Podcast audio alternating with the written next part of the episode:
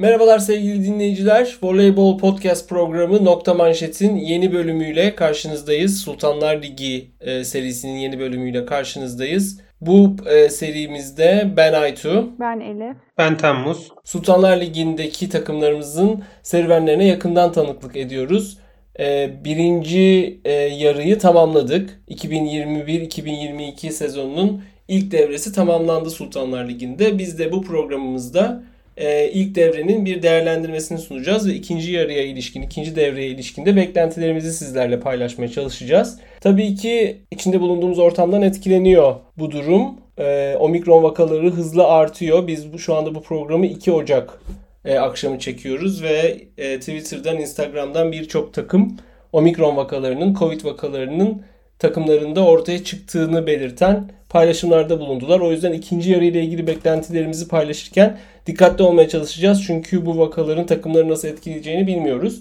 Ancak çok keyifli bir ilk yarı geçirdik. Sultanlar Ligi'nde ligin kalitesi çok yükseldi. Seyircilerin e, ilgisi çok fazlaydı.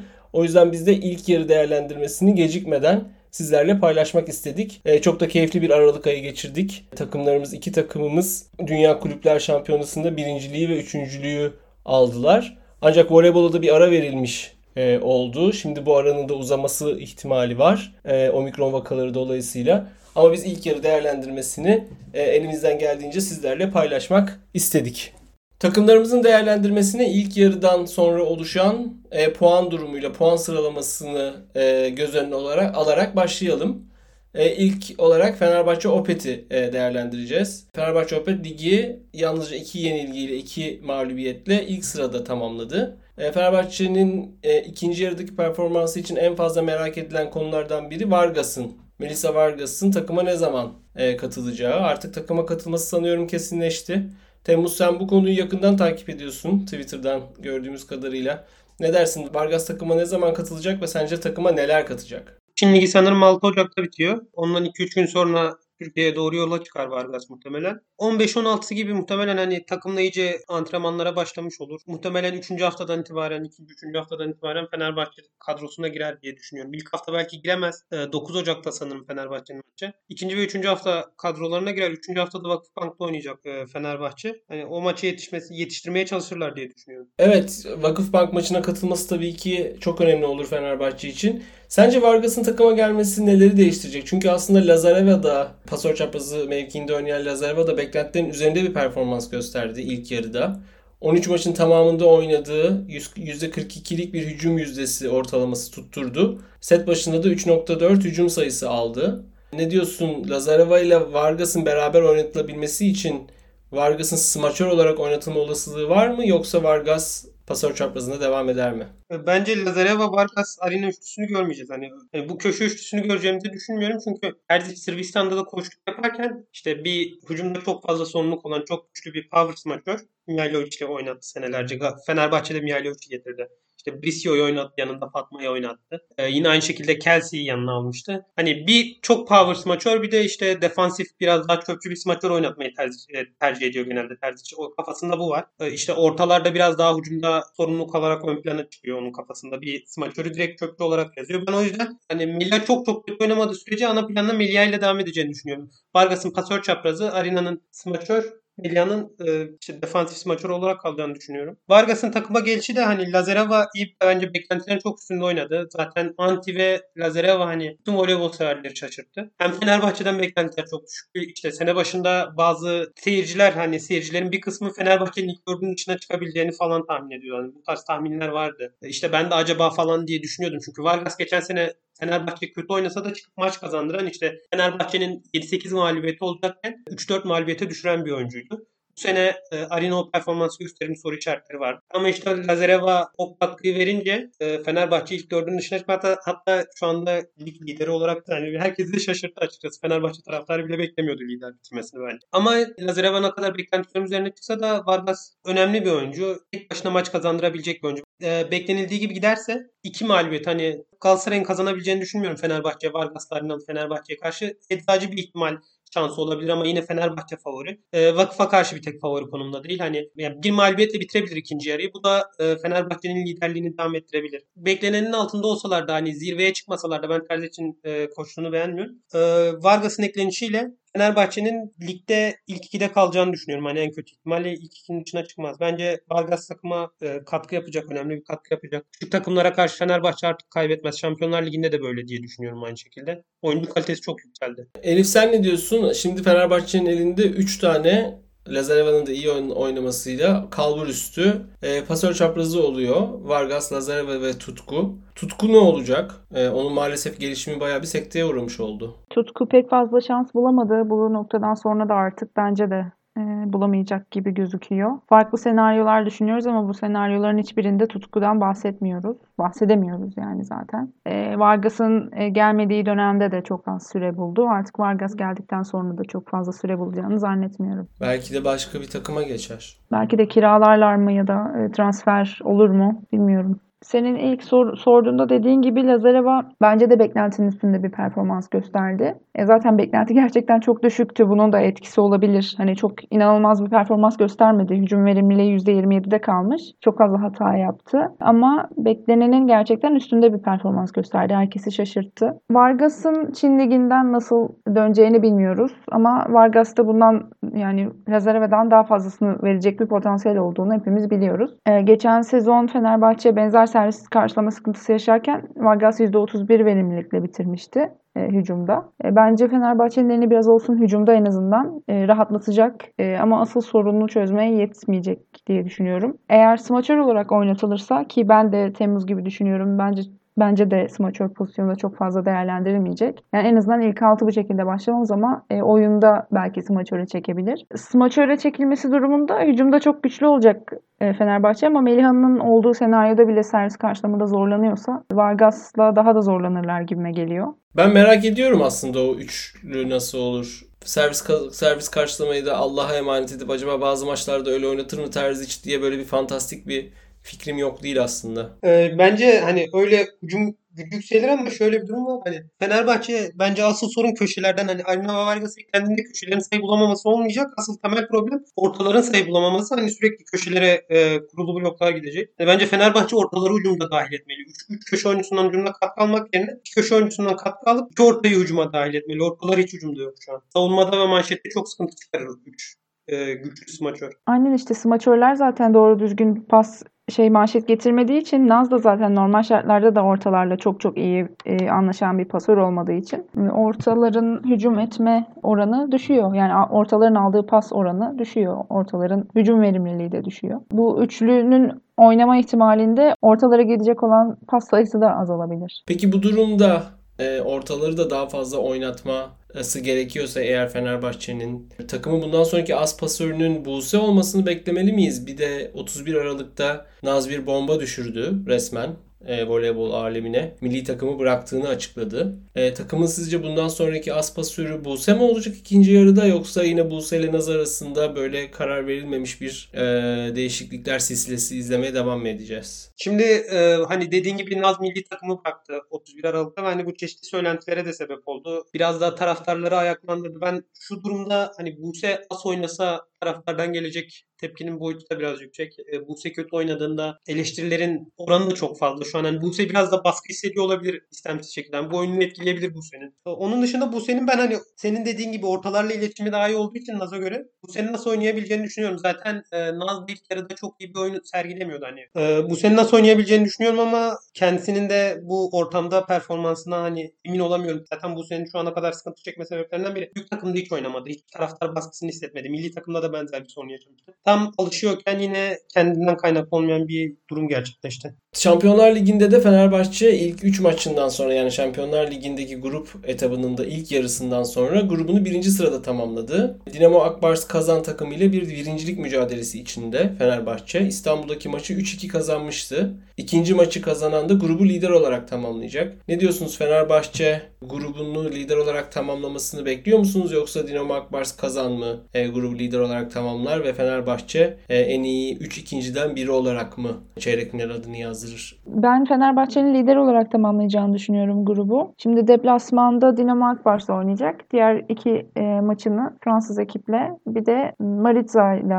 Bulgar ekiple oynayacak evinde. Fenerbahçe Dinamo'yu yenerse grup aşamasını birinci sırada zaten tamamlayacak senin dediğin gibi. Aslında yenilirse Dinamo'da diğer maçlarını kazanırsa galibiyet sayıları 5'te eşitlenmiş olacak. Bu durumda puanlara bakılır. Fenerbahçe Dinamo, Dinamo'yu 3-2 yenmişti. Dinamo 3 puanla galibiyet alırsa birinci bitirebilir. Ama ben yine Fenerbahçe'nin e, maçı alıp grubu birinci sırada tamamlamasını bekliyorum. Temmuz sen ne dersin? Ben de dediğim gibi az önce hani Vargas'ın eklenmesinin hani bu tarz eşleşmelerde çok ciddi avantaj getirdiğini düşünüyorum. Yani Vargas ilk set kötü oynayıp işte 30 top alıp bu seviyede maç kazandırabilen bir isim. Zaten geçen sene de yapıyordu Vargas bunu. Arina da var şu an. Ee, eğer Covid çok sıkı kötü vurmazsa ben hani Fenerbahçe'nin o maçı kaybedeceğini düşünmüyorum. Lazareva da ilk eşleşmede ilk maçta biraz tutuk başlamıştı maça diye hatırlıyorum. Sonra maç gittikçe açılmıştı. Vargas'ın hani o kadar tutuk olmayacağını düşünüyorum. Bir de kadro derinliği de çok artmış oldu tabii Fenerbahçe'nin. Yani diyelim Vargas kötü oynadı. Artık Lazareva var. Ee, Lazareva kötü oynarsa tutku var. Ee, bir de az önce konuştuğumuz hamleyi de yapabilirler. Hani ana planda çok e, mantıklı bir plan değil ama Lazareva, işte Lazareva, Arina, Vargas köşe üçlüsü. Hani bunu deneyebilirler rakip kötü servis atıyorken. Rus takımlar genelde çok iyi servis atmıyor. Yani ona, onlara da deneyebilirler bunları.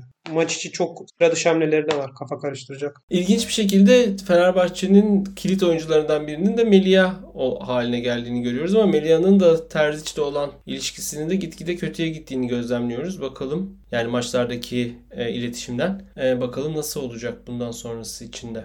Melia'nın hani dediğin gibi en önemli oyunculardan biri. Melia'nın yanına bir tane smaçör gelme ihtimali konuşuluyor şu an. E, bu tarz dedikodular var işte. Kelsey, Yon Kong bu tarz isimler konuşuluyor. Ben Lee Yingling'i düşünüyorum. Tianjin'le karşılıklı bir anlaşma olmuş olabilir diye düşünüyorum. Hani bu hamle gelirse iyi manşet alan bir smaçör e, gelirse Fenerbahçe'nin kadro kalitesi hani artacak daha da. Evet o zaman gerçekten Şampiyonlar Ligi şampiyonluğuna oynaması lazım. Bir de smaçör eklemesi olursa. Yani kadro kalitesi olarak zaten bence kadro kalitesi ve bütçesi olarak hani e, hani isimleri kağıt üstünde yazdığında işte Türk milli takımının en iyi ortası işte Sırbistan'ın en iyi ortası falan diye böyle hani son şeyin son 4 Avrupa Şampiyonası'nın en iyi ortası falan diye yazınca işte Rusya'nın en büyük yeteneği. Fenerbahçe'nin Limakova Vakıf'a rakip olması lazım ama işte Dünya Şampiyonası'nda Terz için koçluğunda 3-0 iki maçı da kaybetti. Bakalım yani inşallah Şampiyonlar Ligi finallerine daha iyi hazırlar. Senin dediğin gibi Dünya Kulüpler Şampiyonası'nda pek hazırlamamıştı Terzic takımı. Kendisi de pek hazırlanmamıştı. Belki de daha iyi hazırlar Şampiyonlar Ligi'nin bundan sonraki etaplarını diye umalım. Eczacıbaşı Dynavit'e geçelim. Ee, Eczacıbaşı'nda da bu yıl yeni de, yeni bir yapılanma oldu. 4 yıldır Motta başındaydı takımın. Brezilyalı çalıştırıcı başındaydı. Bu yıl e, genç Türk çalıştırıcı Ferhat Akbaş e, takımın başına geçti ve yeni bir yapılanma gerçekleştirmekte olduğunu sık sık e, bizimle sosyal medyadan olsun, konvansiyonel medyadan olsun sık sık paylaşıyor. Siz nasıl değerlendiriyorsunuz şu ana kadarki performansını Ferhat Akbaş'ın? Ligin başlarında biraz fazla challenge istemesiyle sinirleri birazcık yormuştu. Sık challenge istemesiyle. Bazı insanların da takdirini kazanmıştı tabii ki. Ee, ama siz neler düşünüyorsunuz şu ana kadar ki sadece tabii ki challenge performans değil o işin şakası. Sadece challenge performans değil genel performans hakkında ne düşünüyorsunuz? Elif senle başlayalım istersen. Ee, ben de challenge'lar ve aldığım molalardan... Yıldım diyorsun. Ee, e, o açıda bir gelişme olduğunu düşünüyorum gerçekten. Çünkü hem maç gereksiz soğuyordu, uzuyordu. Kendi oyuncuları da olumsuz etkileniyordu bence. Bu açıdan bir ilerleme olduğunu söyleyebilirim. Eczacı başında bir pas dağılımında ve hücum varyasyonları üzerine bazı değişiklikler yapmaya çalışıyor Ferhat Akbaş. Gördüğümüz üzere. Zaten bunu yine röportajlarda e, falan da ifade ediyor. Yani bazı maçlardaki ilk altı tercihlerini eleştirsem de şu ana kadar takımda yeni bir düzen kurmaya çalıştığını görüyoruz. Sezon başlarında e, biraz bence fazla pasör çaprazı ve orta ağırlıklı oynadı. Saliha Hande'den e, daha fazla pas alıyordu. Hande daha çok defansif rol alıyordu ligin başlarında. Sonraki maçlarda Hande'nin aldığı pas sayısı artmaya başladı ama bu sefer de Hande'nin hücum verimliliği düşük çıktı. Belki de bir süre hücumda geri planda kalmasının etkisi olabilir. Ya da genel olarak sezonda zaten kötü girmesinin de etkisi olabilir. E, hücum verimliliği düşük çıkınca Hande'nin aldığı paslar da azaldı. Yani pas dağılımında smaçörlerin biraz daha öne, ön plana çıkması gerektiğini düşünüyorum. E, ama smaçörler de herhalde o güveni vermiyor. Ama genel olarak bu hücum varyasyonlarını denemesi ve takımda yeni bir sistem oturtmaya çalışması açısından şimdilik fena gitmiyor bence. Yasemin'in yokluğu ligde Türk rotasyon açısından zorlamıştı. Ee, Eczacıbaşı'nı. Yasemin maalesef e, uzun bir sakatlık dönemine girdi. Ligin başında yaşadığı bir sakatlık e, sonucu. E, bu konuyu nasıl e, hallettiğini düşünüyorsun Temmuz Ferhat Akbaş'ın? Çünkü elindeki seçenekler birden azaldı. İki Türk orta oyuncuyla oynayamamaya başladı. E, ya da oynasa bile e, onların kalitesi Yasemin yok Yasemin'in yokluğundan tabii ki etkilendi. E, sen nasıl buluyorsun Ferhat Akbaş'ın bu sınırlamayla, sınırlılıkla olan mücadelesini? Ee, şöyle söyleyeyim yani Yasemin'in sakatlığı cidden kötü etkiledi. Çünkü e, rotasyonda ciddi sıkıntıya soktu. Şu an Eczacı'nın Heyerman oynamak zorunda. Merve beklenen reaksiyonu veremedi. Heyerman oynamak zorunda. Maya oynamak zorunda. Boş göç oynamak zorunda. O zaman öyle olunca da işte Adams'ı sokamıyorsun. Adams olmayınca smaçör rotasyonu e, sıkıntıya giriyor. Yani 7-8 oyuncuya falan düşürdü. Bayağı eli kısıtladı Bence fena başa çıkmadı. Beyza'dan iyi kat kaldı. Beyza'dan bir dönüş aldı. Bence Ferhat Akbaş iyi baş etti o durumla şu ana kadar. Onun dışında genel performansı için de bence Eczacı'da muhtemelen iyi öncelik yani geçen senelerden daha iyi gidiyor bence. Eczacı'da bence önemli nokta şu. Hani sistemden falan konuşuyoruz. Yani Eczacı'da bence oyuncuların görev tanımları belli. Ee, bu görev tanımlarının içinde oyunculardan ne bekleyeceğimiz belli. Bu önemli bir şey bence. Hani her takımda bu görev tanımları belli değil. Bence ligde 3-4 takımda sadece görev tanımları belli düzgün bir şekilde. Ve bu Ferhat Akbaş'ın başarısı diyorsun yani. Evet bence bu Ferhat Akbaş'ın başarısı ve hani ligde rotasyon yapan nadir takımlardan biri. Eczacı çok fazla rotasyon yapıyor. Ee, bir vakıf çok fazla çok rotasyon yapıyor. Eczacı çok rotasyon yapıyor. Zaman zaman THY yapıyor. Bence Ferhat Akbaş e, iyi bir performans gösteriyor şu ana kadar. Eğer dediği gibi performans yükseltebilirse takımın bence Eczacı onunla sözleşme de uzatacaktır. Türk bir koçun da büyük bir kulüpte çalışması sevindirici olur. Ben şu an iyi beğeniyorum yani. E, evet rotasyon yapıyor. Birçok oyun, oyuncusuna şans tanıyor maçlarda ama Elif çok oynayamadı değil mi bu, bu sezon? Hani Elif'i oynattığı maçlarda Elif'ten istediği katkıyı alamadı. Hani kendisi biraz Elif'ten kaynaklı o çok e, oynayamama sebebi de bence. Çünkü Elif'in hani 4 numara paslar ciddi sorunlu. E, zaten uzun bir pasör olduğu için savunmada zorlanıyor. E, orta oyuncularla yine uzun bir pasör olduğu için uzun pasörlerin orta oyuncularla iletişimi çok kolay olmuyor açıkçası. E, bu sebeple bir tek Boşkoviç'e istenen pas atıyor bence. Boşkoviç de zaten hani dünyada bütün pasörlerin attığı paslara vurabilecek bir pasör. Bu sebeple Ferhat Akbaş hani Elif'i çok kullanamıyor. Şans da verdiği oldu ama Elif o reaksiyonu veremedi. Zaten onun dışında yapabileceği çok bir rotasyon da yok. Eczacı'nın eksik oyuncuları var. Bence elindeki kadroya göre bir rotasyon yaptı. Herkesi dinlendirdi. Hatta ben bu kadar dinlendirmesine gerek var mı diye de düşündüğüm oldu. Çünkü Eczacı e, Şampiyonlar Ligi'nde veya Dünya Kulüpler Şampiyonası'nda oynayan bir takım değil. Yani Elif'i de bence kullanmaya çalıştı. Elif reaksiyonu veremedi. Verirse onu da e, elbette oynatacak bence. Ee, Eczacı bu yıl e, Şampiyonlar Ligi'nde mücadele etmiyor. Sev Cup'ta e, Avrupa Voleybol Federasyonu'nun ikinci kupasında çeyrek finalde Uraloçka ile karşılaşacak. Maçların ikisi de İstanbul'da ve 25-26 Ocak tarihlerinde oynanacak şu anki plana göre. Bunlar tabii ki Omikron'un Türkiye'de etkisini göstermeye başlamasından önce alınan kararlardı. Yarı finalde Alba Blaj, e, Volero Le Cane diye okunduğunu tahmin ettiğim takımın çünkü kan değil arkadaşlar. Yani yanlış anlamayın kanın nasıl okunduğunu biliyorum. Bu sonu T ile biten bir e, kelime. Yarı finalde bu eşleşmenin galibiyle oynayacak. Büyük ihtimalle Erba Blaj oynayacak. Finale çıkarsa da ben Allianz Stuttgart ile oynamasını bekliyorum. Şu anda Alman liginde birinci sırada olan takım e, takımla.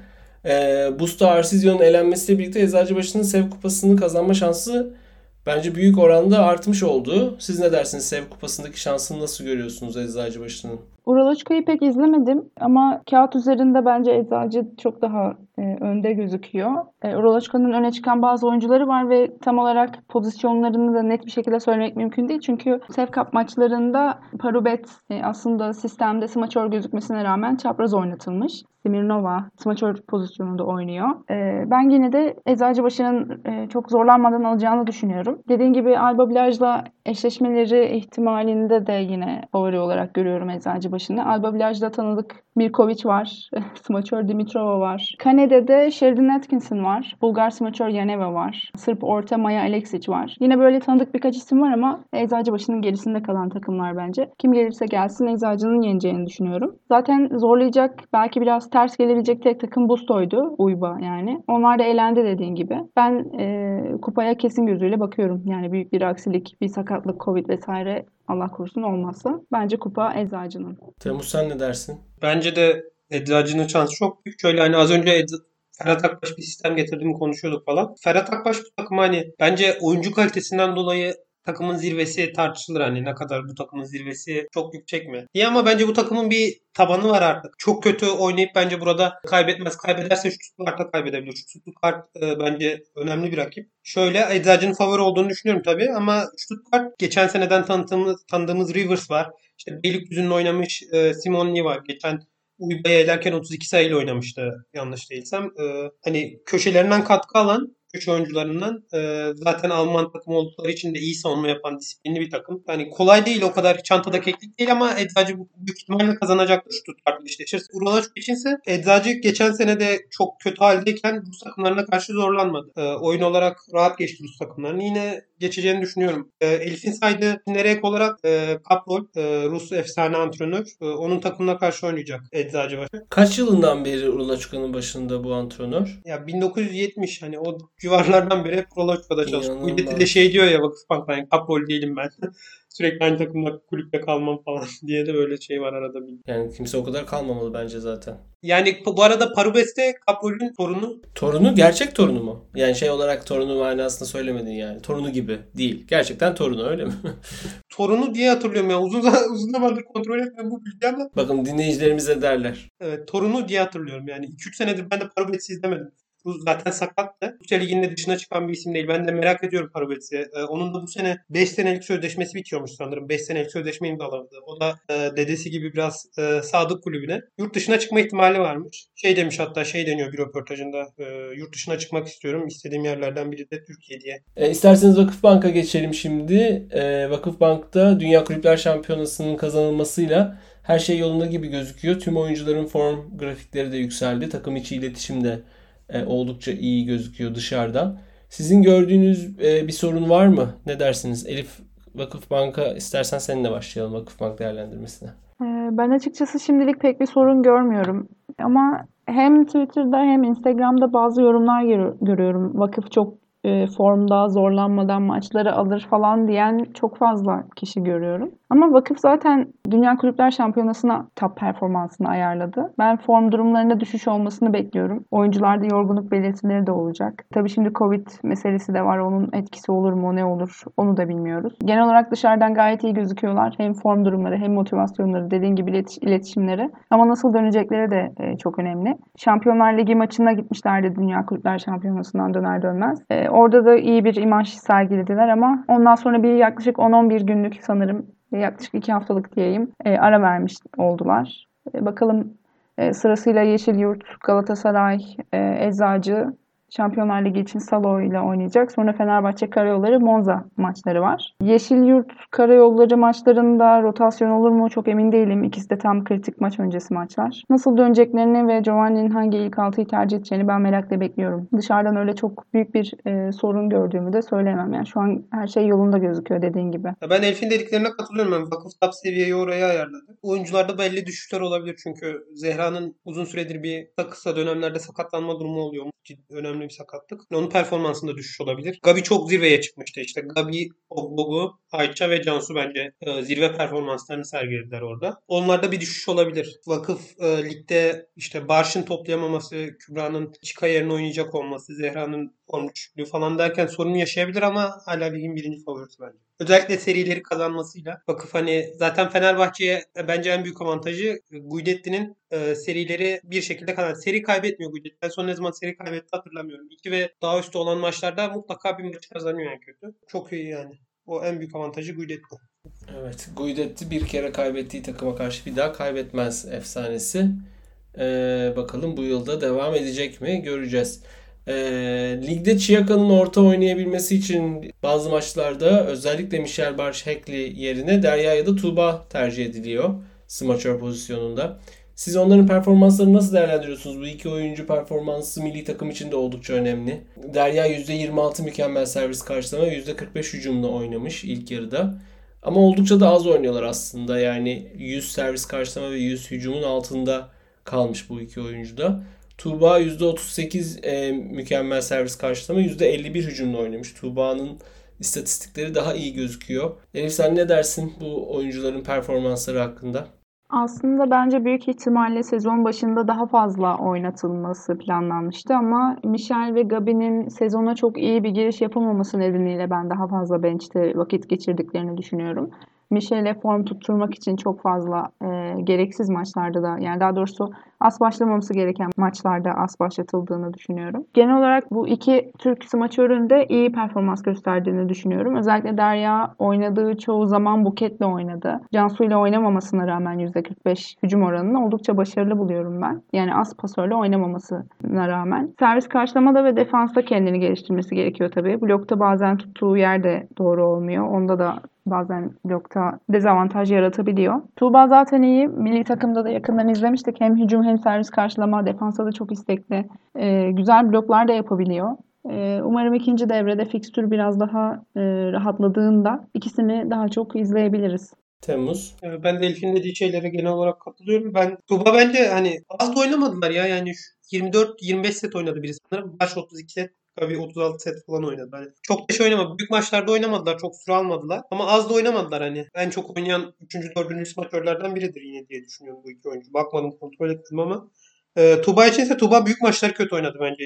Ligin ilk yarısında iyi oynadı genel olarak ama büyük maçlarda e, katkı veremedi. E, orta seviye bir takımda olsaydı muhtemelen şu an e, çok da öne çıkabilecek bir oyuncuydu bence. Tuba şu an hazır diyebileceğimiz oyunculardan biri bence. E, onu milli takımda da daha fazla görebileceğimizi düşünüyorum. Elif'in dediği yerlere katılıyorum. Derya içinse Derya da dediği gibi yine aynı şekilde Buket oynadı. Cansu'yla ben oyununu merak ediyorum açıkçası. Ben e, Derya'yı hücumda Gabi'nin kullanıldığı gibi kullanabileceğimizi düşünüyorum. Çünkü Gabi'nin ayakları çok hızlı, çok atletik. Aynı şekilde Derya'nın da ayakları adımlaması çok hızlı. Ee, çok atletik bir oyuncu. Benzer şekillerde e, aynı hücumları yaptırabiliriz diye düşünüyorum. Bu şekilde kullanabiliriz diye düşünüyorum. Milli takım için bence şu an e, Derya önemli bir oyuncu. Umarım bu yaz bir genelde de görürüz. Zaten geçen sene de Derya ligin ilk yarısında yavaş başlamıştı. Yavaş yavaş yükseltmişti ligin ikinci yarısına doğru ikinci yarısından sonra. Bu sene de ona benzer bir eğri görüyoruz gibi hissediyorum. Lige çok istediği gibi giremedi. Şu an performansını yükseltmişti lig e, kapanmadan önce. Derya'dan umutluyum ben. Şu anda e, keşke biraz daha fazla oynasaydı ama daha da iyiye gideceğini düşünüyorum. E, Vakıfbank Şampiyonlar Ligi'nde de yoluna kayıpsız devam ediyor. Zaten e, oynadığı grupta da bir tane ciddi rakibi var. O da Vera Volley Monza. E, o da bu yıl beklentilerin altında bir performans gösteriyor Monza takımı da. Siz Şampiyonlar Ligi'nde Vakıfbank'ın özellikle DKŞ'nin de kazanılması, Dünya Kulüpler Şampiyonası'nın da kazanılmasıyla en büyük favori olduğunu düşünüyor musunuz? Temmuz senle başlayalım. Yani Vakıf çok iyi oynadı Dünya Kulüpler Şampiyonası'nı ama e, Imoko'nun eğer tam formda gelirse Imoko'nun hala en büyük favori olduğunu düşünüyorum. Sonra Vakıf sonra Fenerbahçe diye iki takımımızın 2 e, ve 3. sırada olduğunu düşünüyorum favorilik anlamında. Elif sen ne dersin? Dünya Kulüpler Şampiyonası çok büyük bir motivasyon sağlamıştır ve birçok eminim analizler, dersler çıkarılmıştır o maçtan. Olası Imoko finalinde işlerinin daha zor olduğunun farkındalardır büyük ihtimalle takım. Farkındadır e, büyük ihtimalle takım. Bu motivasyon ve yapılacak iyi bir hazırlıkla finale kadar gidip finalde de kendi oyunlarını oynayabildikleri sürece e, yenebileceklerini düşünüyorum ben. Ama zaten Imoko vakıf maçında favori göstermek oldukça zor. Değil mi? %50 yani gerçekten. E, her sonuca açık bir maç kesinlikle. Imoko'nun da asla Dünya Kulüpler Şampiyonası'ndaki gibi oynamayacağını hepimiz biliyoruz. Çünkü çok daha farklı bir motivasyonla gelecekler. Çok daha farklı bir hazırlıkla gelecekler. Nerede oynanacağı da belli değil henüz sanırım. Daha ne denir ona? Daha tarafsız bir ortamda da oynanacak. Çünkü seyircinin etkisi de çok büyüktü o, o maçta. Dolayısıyla vakıfı çok favori göstermek mümkün değil. E, her sonuca açık bence. Bence o maçta önemli noktalardan biri şey olacak. Tek maç üzerinden mi oynanacak? iki maç üzerinden. İki maç üzerinden oynanırsa bence Vakıf favori. Tek maç üzerinden oynanırsa Imoko favori bence. E, tabii bu iki takımın ya yarı finalde ya da finalde kar- karşılaşma olasılığı var Şampiyonlar Ligi'nde. E, yarı finalde karşılaşırlarsa daha mı iyi olur diyorsun Temmuz? Az önce konuştuğumuz şeylerden dolayı. Çünkü yarı finalde iki maç oynanacak. Finalde tek maç oynanacak. Yani evet katılıyorum hani ikinci maçı kazanır mesela altın sette kaybeder diye düşünüyorum en kötü vakıf e, iki maç seride. O yüzden vakıf favori olarak görüyorum. Hani e, Imoko'nun ben tek maç üzerinden oynandığında da e, favori olduğunu düşünüyorum. Çünkü işte favori demeyeyim e, biraz daha önde olduğunu düşünüyorum. Çünkü Imoko'nun bence zirvesi daha yüksek bir takım. E, vakıf son şampiyona da Gabi, e, Cansu Ogbogu ve Ayça'dan maksimum verim alarak kazandı. Imoko e, aynı katkıyı alamadı işte oyuncularına. E, potansiyeli daha yüksek olduğu için kadronun daha yüksek olduğunu düşünüyorum. Evet. Aynen. Smaçörler çok geri kalmıştı e, Imoko'da. Bakalım Santarelli neler yapacak e, Şampiyonlar Ligi'nin final etabına kadar. Türk Hava Yolları'na geçelim. E, ligimize son yıllarda büyük bir renk katan e, takım Türk Hava Yolları. Türk Hava Yolları ilk yarıda 3 mağlubiyet aldı. Vakıfbank, Eczacı ve Mert Grup Sigorta'ya kaybetti. Son maçında da PTT ile çok güzel bir maç oynayıp kazandı. 3 e, mağlubiyetle 4. sırada bitirdi ligin ilk devresini. Siz nasıl değerlendiriyorsunuz ilk yarı performansını? Çünkü önemli değişiklikler oldu Türk Hava Yolları'nda. Ebrar takımın çok önemli bir e, simasıydı. O değişti ama onun dışında aslında çok da büyük bir değişiklik olmadı. Şeyma, Carlini, Madison e, devam ediyorlar. E, nasıl değerlendiriyorsunuz ilk yarı performansını Türk Hava Yolları'nın? Türk Hava Yolları bence genel olarak rotasyonda biraz e, sıkıntılar yaşadı. Şeyma sezonuna pek iyi bir giriş yapamadığı için yerine e, Rabadzieva'nın e, girmesi gerekti. E, bu da tabii yabancı kuralından ötürü Van Rijk'ın çıkıp Polen'in girmesini gerektirdi. Bir de orada pasör de şey olduğu için, yabancı olduğu için. Evet, Carly'nin nedeniyle. Ee, yani bir türlü istediği ilk altıyla oynayamadı bence Türk Hava Yolları. Aslı da çok dalgalı performans gösterdi. Hele o Şampiyonlar Ligi performansı bence kendi performansının çok altındaydı. Ben genel olarak takımda ilk altının oturmamış olmasını sorun olarak görüyorum. Ama son maçlara doğru Şeyma'da bir toparlanma e, gözlemledik hep beraber. Rabazieva da e, takımdan gönderildi. Yerine Ada Germen transfer edildi. Artık belki ikinci devrede Türk Hava Yolları'nın ilk altısı biraz daha netleşmiş olur. Belki oyuncular daha iyi performans gösterebilir bu nedenle. Bundan sonrası için hem Aslı'nın hem de Şeyma'nın performansı çok önemli. Van Rijk'ın da daha az hata yapması gerekiyor. Hücum verimliliği düşük çıkmıştı. Belki de en önemlilerinden biri de Kalini'nin de daha istikrarlı oynaması gerekiyor. Bence ikinci devrede daha istikrarlı bir Türk Hava Yolları görme ihtimalimiz var. İlk altı daha net en azından Abondanza'nın aklında ilk altı daha net olacağı için. Evet Şeyma'nın gerçekten de e, yani ilk altı oynaması, oynayabilecek olması herhalde birçok şeyi değiştirecek takımda. Şeyma PTT maçında hepimizi şaşırtan ve sevindiren bir performans gösterdi. Ben Dünya 11 Aralık komple smaçör Şeyma Ercan günü ilan ettim o günü. Her yıl kutlayacağız. Dış temsilciliklerde yavru vatanda o günü kutlayacağız. Şeyma tabii ki yani milli takım için de önemli bir oyuncu. Komple smaçöre çok çok ihtiyacımız var. Biliyorsunuz. O yüzden yakından takip ediyoruz performansını. Dobro, yani Rabadzieva'nın gönderilmesi de aslında benim hiç beklemediğim bir hamleydi. Ama istatistiklere baktığımızda çok ikiz bir performans gösterdiklerini görüyoruz. Ee, Şeyma ile çok benzer istatistikleri olmuş. Hem hücum verimlilikleri hem de servis karşılama verimlilikleri açısından ikisi de servis karşılamalarda %40'ın üzerine çıkıp servis karşılama ya da %40'a yakınlaşıp hücum verimliliğinde %20'nin altında kalmışlar. Herhalde Rabazyeva da ucuz bir oyuncu değildi. Çok para vermeyelim diye mi gönderdiler ya da Şampiyonlar Ligi'nden umudu mu kestiler? Bunu da merak ediyorum. Sen nasıl değerlendiriyorsun Temmuz Türk Hava Yolları'nın performansını? T'nin senin dediğin gibi 3 maçta da kazanması lazım gruptan çıkması için. Çünkü 5 e, grup ikinci sıralanacak. En, en, iyi 3 ikinci ikinci tura çıkacak. E, T'nin girme şansı açıkçası Moskova'ya kaybettiği için çok düşük. Yani 3 maçı kazansa bile gidememe ihtimali var. Öyle bir durum var. Çok kötü bir karne verdiler Şampiyonlar Ligi'nde açıkçası. E, ben o kadrodan daha fazlasını bekliyordum ama bence Abondanza yine bir nevi Terzic gibi bazı oyuncularını Şampiyonlar Ligi'ne hazırlamadı. Mesela Dixon'ın hiç oynatılmadan Şampiyonlar Ligi'nde oynatılması çok büyük bir hata. Bunun bir açıklaması yok bence. Fakat falan değilse oyuncu. Kötü oynarken de çıkarmıyor yani işin garibi. Para verdik oynatalım diye mi acaba?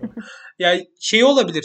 Garantisi olabilir Şampiyonlar Ligi'nde ben oynayacağım diye. Oyuncunun olabilir, imzalarken. Olabilir. Bilmediğim şeyi söylemeyeyim. Ligimizde şu anda 5. sırada Galatasaray HDI sigorta var. Ee, bu takımda Alexia Anti ve Gamze çok keyifli bir oyun izletti bize e, ilk yarıda. Siz e, hem bu oyuncuların performansını hem de Galatasaray'ı genel olarak nasıl buldunuz? Elif seninle başlayalım. E, Anti beni en çok şaşırtan, şaşırtan isimlerden biri. Temmuz'da programın başında zaten Anti ile e, Lazareva'nın bizi çok şaşırttığını söylemişti. Yani genel olarak voleybol izleyicisini. Kendisinden kesinlikle böyle bir performans beklemiyordum. Servisleri ve hücumları da oldukça etkili. Bir tek sanki o boyuna rağmen blokta çok iyi değil. Bir de arkada defansta pek iyi değil defansı bekliyorduk zaten. Evet aynen. Servis karşılamada çok fazla hata yapıyor. Ee, servis karşılama verimliliği %18 olarak çıkmış birinci devrede. %49 ile hücum etmiş. Gerçekten çok iyi bir istatistik bir smaçör için. Ee, ve manşete giren bir smaçör için. Diğer yandan Alexia'nın performansını da çok beğeniyorum. Takımdaki orta oyuncular kadar blok sayısı var. Servisleri zaten etkili. Hücumları ve plaseleri de çok iyi. Belki biraz o da hücum hata sayısını e, azaltabilir ama takımda e, en çok pas alan oyuncu zaten şu an. Takımda pasların neredeyse %40'ını almış bir oyuncudan bahsediyoruz. Yani hücum e, sorumluluğunu neredeyse sırtında taşıyan bir oyuncu şu an Alexia. Boşkoviç eczacı başında %32 e, yani pasların %32'sini alırken Alexia neredeyse %40'ını e, alarak oynamış. Yani biz Boşkoviç'in daha çok hep skor yükünü çektiğini söyleriz ama Alexia bayağı e, takımı sırtlıyor. Tabii ki Anti ile beraber ama hem de takımda Anti varken evet. E, Galatasaray'daki ilk sezonu için bence iyi bir performans Alexia'nın ve genel olarak da Galatasaray'ın e, oyununu genel anlamda beğeniyorum. Gamze'nin e, oyun kurgusunu da beğeniyorum. İlkin ne kadar neden bu kadar formsuz? Ve ilkinin katılması olsun yani katılabilse aslında Galatasaray bir seviye daha atlamaz mı? Atlar bence. Yani ilkin sakatlığın etkilerini üstünden atamadı pek. Bir ara ligde en çok pas alan milli smaçör falan diyorduk ona. Yani bir ara bayağı pas alıyordu. Ama hücumda da çok isteneni veremedi. İlkinin sıçrama yüksekliğini pek e, kaybettiğini görüyorum ben. E, ama servislerini geliştirmiş. Servis, çok etkili inanılmaz hızlı servisler atıyor. Ee, ya sanki ilkinin toparlaması için biraz daha fazla süre alması lazım ama e, hücumda ve blokta dezavantaj yarattığı anlar oluyor ön turda. E, Ataman Güneyligil bazı anlarda Sude ile değiştirmesi gerekiyor diye düşünüyorum ilerleyen maçlarda. Ki değiştiriyor zaten. Evet değiştiriyor da zaten. Ama şimdi bu biraz kısır döngüye dönüyor. Çünkü ilkinin belki biraz daha fazla oynaması, daha fazla pas alması lazım toparlaması için ama verimliliği de düşük olduğu için Sude'nin girmesi gerekiyor. Sude ilkinden daha iyi performans gösterdi şimdiye kadar. Hem hücumda hem servis karşılamada. Tabii ilkin yani iki katı kadar daha fazla pas aldı normal belki daha az e, yüzdeyle çıkması ama e, çok da fark yaratan bir performansı yok. Bence sakatlık ve hücumda biraz arka planda kaldıkça oyundan düştü ilkin. Bir de zaten milliden de yorgun dönmüşlerdi. Belki bunların hepsinin e, bir etkisi var. Bir ara sezon başında sanki e, antrenörle atışma muhabbetleri dönmüştü. Belki bilmiyorum hani takım içi iletişimde de bir sıkıntı olmuş olabilir. Bilemediğimiz şeyler oluyor olabilir yani arka planda da. Ee, sen ne diyorsun Temmuz? Galatasaray'ın genel olarak yani bütün bu e, performansı ışığında ilk dört hayali kurması mantıklı mı sence? Zaten beşinci mantıksız değil. Mantıksız değil. İlk dörde girmesi tabii şimdi şu an şöyle bir sıkıntı var. Ee, Galatasaray'da Covid olan oyuncular var ve nasıl dönecekleri belli değil. İlk maçta da ilk 6 maçta aslında çok sıkıntılı Galatasaray'ın fikstüründe. Çok ciddi rakipleriyle oynuyor. Direkt ilk maçı TTT'ye karşı hemen altındaki rakibe karşı. O maçı kaybederse ilk 4'e girmesi e, çok sıkıntıya girer. Hani Covid olmasaydı Galatasaray'ın şansı yüksekti bence ilk dörde girme açısından. TH'den daha iyi bir oyun oynatıyorlardı. Ee, yani daha keyifli bir oyun oynuyorlardı ve büyük takımlara karşı daha iyi performans gösteren göstermişlerdi. Bir tek Vakıfbank'a karşı çok kötü bir oyun oynadılar. Onun dışında e, kaybettikleri büyük bütün maçları 3-2 kaybettiler. E, TH'ye 3 evet. kaybettiler. İşte Eczacı'ya evet. Fener'e. Ki bu maçları iyi oynayarak kaybettiler aslında. Galatasaray kazanabilirdi bu maçları. Kendi eliyle de biraz kaybetti bu maçları. 3-1'e götürebilirdi bence çoğunu. Bence girebilir eğer Covid'den iyi dönebilirlerse. İlkinle ilgili de hani az önce konuştuk çok formsuz.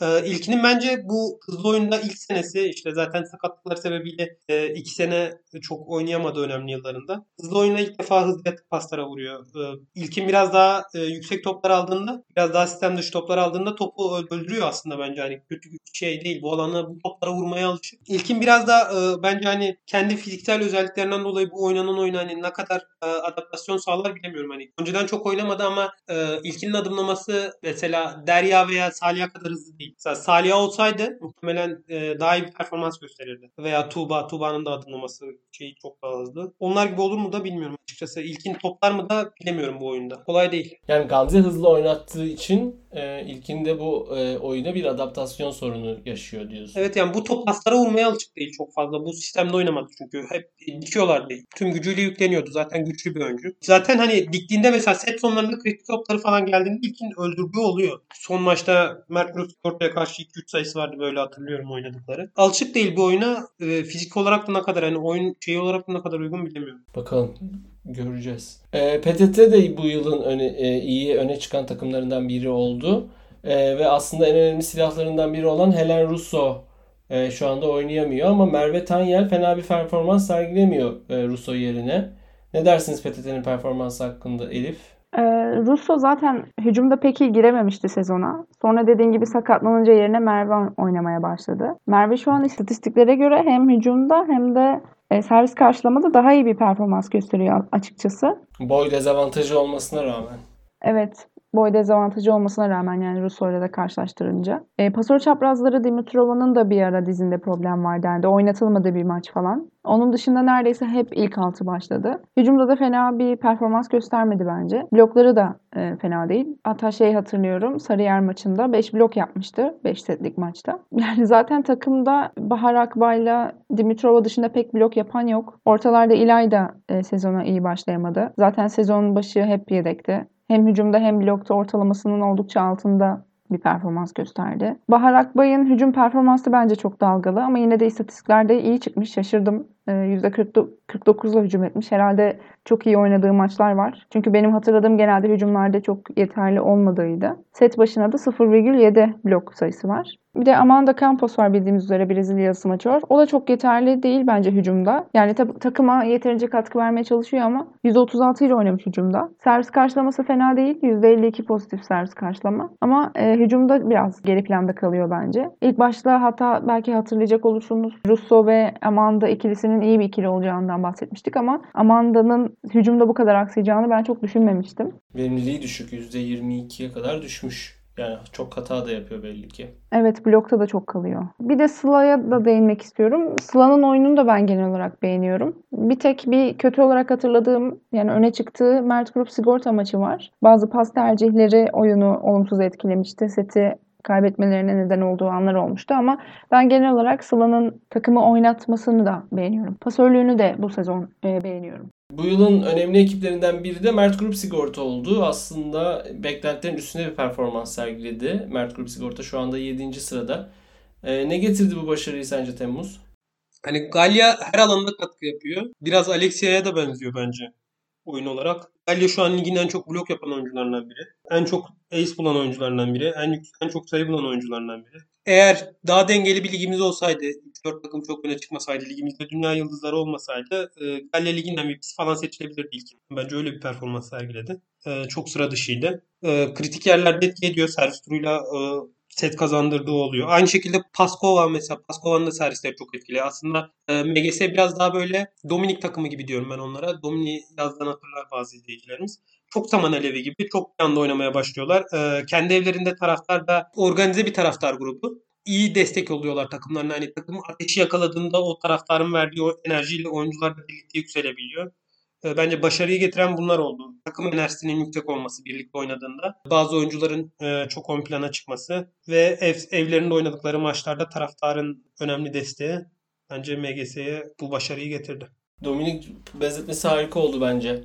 E, lig, bu yıl ligde ilk 8'de olacağını tahmin ettiğiniz ama ilk haftalardaki performansıyla e, biraz soru işaretleri uyandıran bir takım vardı. Kuzey Boru. İlk 5 maçı kaybettiler. E, sonra bir antrenör değişikliğine gittiler. Son 8 haftadaki 6 maçı da Vakıfbank dahil aldılar. Ve ligde playoff e, oynayabilecek seviyeye kadar geldiler gerçekten. E, bu büyük değişim nasıl e, mümkün oldu sizce? Gerçekten antrenör değişimi bu kadar büyük fark yaratabilir mi bu kadar kısa zamanda? E, yoksa oyuncular bir sirkelendiler ve kendilerine mi geldiler? Arelia, e, pasörde Olesya, e, Ezgi, Fulden, e, Yasemin. Nasıl nasıl buluyorsunuz Kuzeyburnu'nun performansını. Elif ne dersin? Kuzeyburnu Kupa Voley grup maçlarında Aydın ve Sarıyer'i 3-0 yenmişti. Ya kadroda fena değil, playoff oynar mı falan diye böyle bir heyecanlanmıştık. Sonra geldi ligde Sarıyer'e de Aydın'a da kaybetti. Aydın'a 3-0 kaybetti hatta 3-0 aldığı maçı 3-0 kaybetti. Ee, Bolu ve Nilüfer gibi takımları yendi ama Ha, bir de Kuzey Boru Benci dahil herkes için sürpriz olan bir Vakıfbank galibiyeti aldılar. Onun dışında en dengesiz profil çizen takım olabilir Türk Hava Yolları ile birlikte. Şimdi Kuzey Boru bir de e, Alman milli takımında oynayan Ivana Vanya'ya transfer etti. Büyük ihtimalle çapraz oynatacaklar. Alessia Rekluk'la yollara ayrılmış olabilir. Fulden ve Mitchum devam edecek. Bence ga- takıma gayet iyi katkı veriyorlar. E, Fulden servis karşılamada Mitchum da daha çok hücumda biraz daha öne çıkıyor. Daha iyi. Mitchum'un servis karşılama istatistikleri korkunç. Baya kötü. Not almamışım onları ama kötüydü yani izlediğim kadarıyla. Ben söyleyeyim hemen sana. Mükemmel manşeti 38, hatalı manşeti 32. 6 bölü 204. %3 servis karşılama verimliliği. Bayağı kötüymüş. Yani izlediğimizde zaten dikkati çekiyor. Hani fullden e, daha iyi servis karşılamadığım için hücumda daha iyi ama bu kadar kötü olduğunu bilmiyordum. E, ortalara baktığımızda da Yasemin bence bir önceki sezona göre daha geride. E, bence özellikle hücumda daha iyi olabilirdi. Hande Korkut da hücumda iyi ama blokta yetersiz bence. Playoff'lara kalabileceklerini düşünüyorum. 5-8 sıralaması için net mücadele edebileceklerdir. Ama ben çok dengesiz e, bir takım olduklarını düşünüyorum. İşte bu hem koç değişimi hem de yüksek ve yavaş oynayan pasör çarpması değişiminin biraz takıma ivme kazandıracağını düşünüyorum. E, zaten şey lig başındaki tahminde 7. sıraya koymuştum ben Kuzey Boru'yu. 6. 7. sıra arasında e, değişeceğini düşünüyorum. Eğer bu ivmeyi yakalayıp iyi bir maç çıkarabilirlerse. Temmuz ee, bence Kuzeyboru'nun yükselişinde biraz da e, yönetimde stratejik davrandı bence. Şöyle Kuzeyboru iyi maçları kaybetti. Hani daha kolay rakiplerle oynamaya başladığı anda koç değişim geldi. Hani bu genelde e, yönetimler spor kulüplerinde tercih edebiliyor yeni antrenör belli bir ivmeyle devam etsin diye. Bence bu da yükselişte etki oldu. Mesela Vakıfbank'a karşı kazandı. Hani önemli bir galibiyet kesinlikle şey demiyorum ama Vakıfbank o dönem çok formsuzdu ve belli kadroda yoktu. Onun dışında hani 5-6 maçlık bir galibiyet aldı ama bu galibiyetleri karayolları muhtemelen ligden düşecek takım. Hani Depla kendi evinde Bolu'yla oynadı. Bolu daha çok Bolu'dayken öne çıkan bir takım. Nilüfer işte bu tarz takımlara karşı oynadı. Hani orta seviye ve ortanın üzerindeki takımlara karşı bir galibiyet serisi yakalamadı açıkçası. Ben o yüzden Kuzey Boru'yu hani çok maçların da düşük kalite geçeceğini düşündüğüm için yoğun olduğum zaman çok takip etmedim ama e, rakiplerin durumundan ötürü de biraz e, performans çok yükselmiş diye duruyor bence açıkçası. İkinci yarı onları da göreceğiz. Vanyak Merak ediyorum ben Banyak'ı Reliuk gerçekten ayrıldı mı? Ayrıldıysa eğer pozitif bir hamle olabilir. Çünkü Kuzeybo çok yüksek hani Rus voleybol oynuyordu e, Reliuk'a ve çok can sıkıcı oluyordu bence. Bu o takımın kalitesini de düşürüyordu ama e, Vanyak bunu değiştirebilir. İkinci yarıya ilişkin beklentilere e, geçelim isterseniz ligin e, ikinci yarısına ilişkin. Sizce ilk 4 ve ilk 8'deki sıralamalarda bir değişiklik bekliyor musunuz? Yoksa bu takımların ilk 4 ve ilk 8'de e, kalmasını bekliyorsunuz? Belki böylelikle diğer bazı takımlar hakkında da mesela Aydın hakkında ya da Sarıyer hakkında da bir şeyler söyleyebiliriz. Çünkü ilk 4 ve ilk 8 e, önemli. Ben e, Aydın, Bolu, Sarıyer, Nilüfer, Yeşilyurt, Karayolları bunların 8'in altında kalacağını düşünüyorum. Bu, şekilde devam edeceğini düşünüyorum. 8'in 8 altının. 8'in üstü yani ilk 8'in de sıralamasının değişebileceğini düşünüyorum. Kuzey Boru ve Mert Grup Sigorta'nın yükselişe geçip PTT'nin düşüşe geçeceğini düşünüyorum. Galatasaray eğer Covid'den etkilenmezse, e, olumsuz etkilenmezse Türk Hava Yolları'nın üstünde bitireceğini düşünüyorum. İddialı tahminler. Nokta atış tahminler yani. Net tahminler. Nokta manşet tahminler bakalım. Net söylüyorum evet. Şimdi federasyonun sitesinden sıralamayı açtım bakıyorum da aklıma ilk gelenleri söylüyorum şu an açıkçası. Fenerbahçe, Eczacıbaşı, Vakıfbank içinde e, şimdiden çok bir şey söylemek mümkün değil. Bak şimdi hemen tılsımımı bozdun görüyor musun? evet gerçekten. Hop Elif ne oluyor der gibi Emin değilim gerçekten bu üçlü e, çok güçlü dermişim. Bu üçlü hakkında çok tahmin yapmak, yapmak mümkün değil. E, her şey müm- mümkün gerçekten. Evet tabi zaten onlar arasındaki mücadele de aslında playofflarda daha çok önemli olacak. Yani onların ilk üçte bitireceği artık herhalde oldukça net gibi lig etabına en azından. Evet tabi ligi birinci bitirmenin de önemi var. Şampiyonlar Ligi'ne direkt çok katılma e, şansı getiriyor evet. sonuçta. Bakalım. Ee, ya Covid gerçekten çok belirleyici olacak gibi gözüküyor. Umarım yani takımlar şey Covid'le uğraşmak zorunda kalmaz diyoruz ama patır patır haberler geliyor. Bir de nasıl etkilenecekler, lig takvimi nasıl sıkışacak falan bunların hepsinin etkisi var maalesef.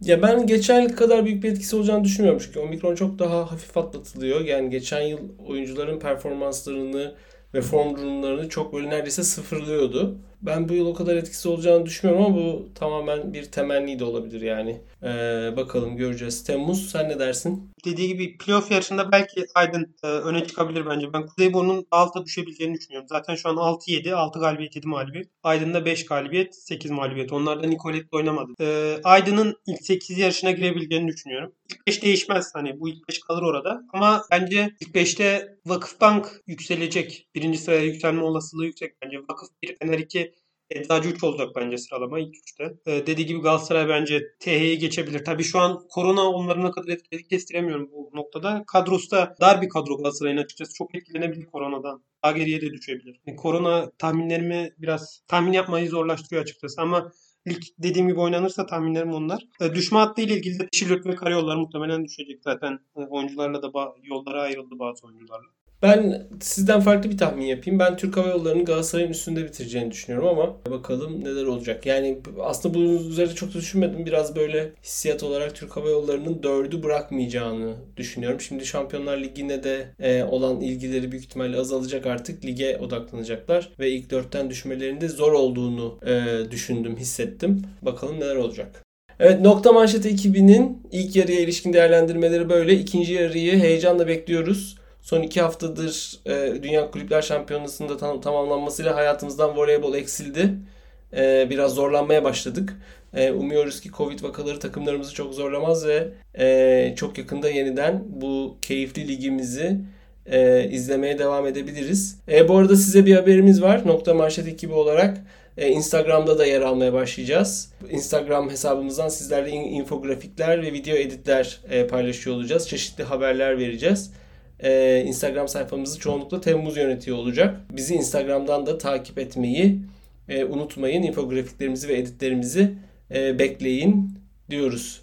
Bir sonraki programımızda görüşmek üzere. Görüşmek üzere. Görüşürüz.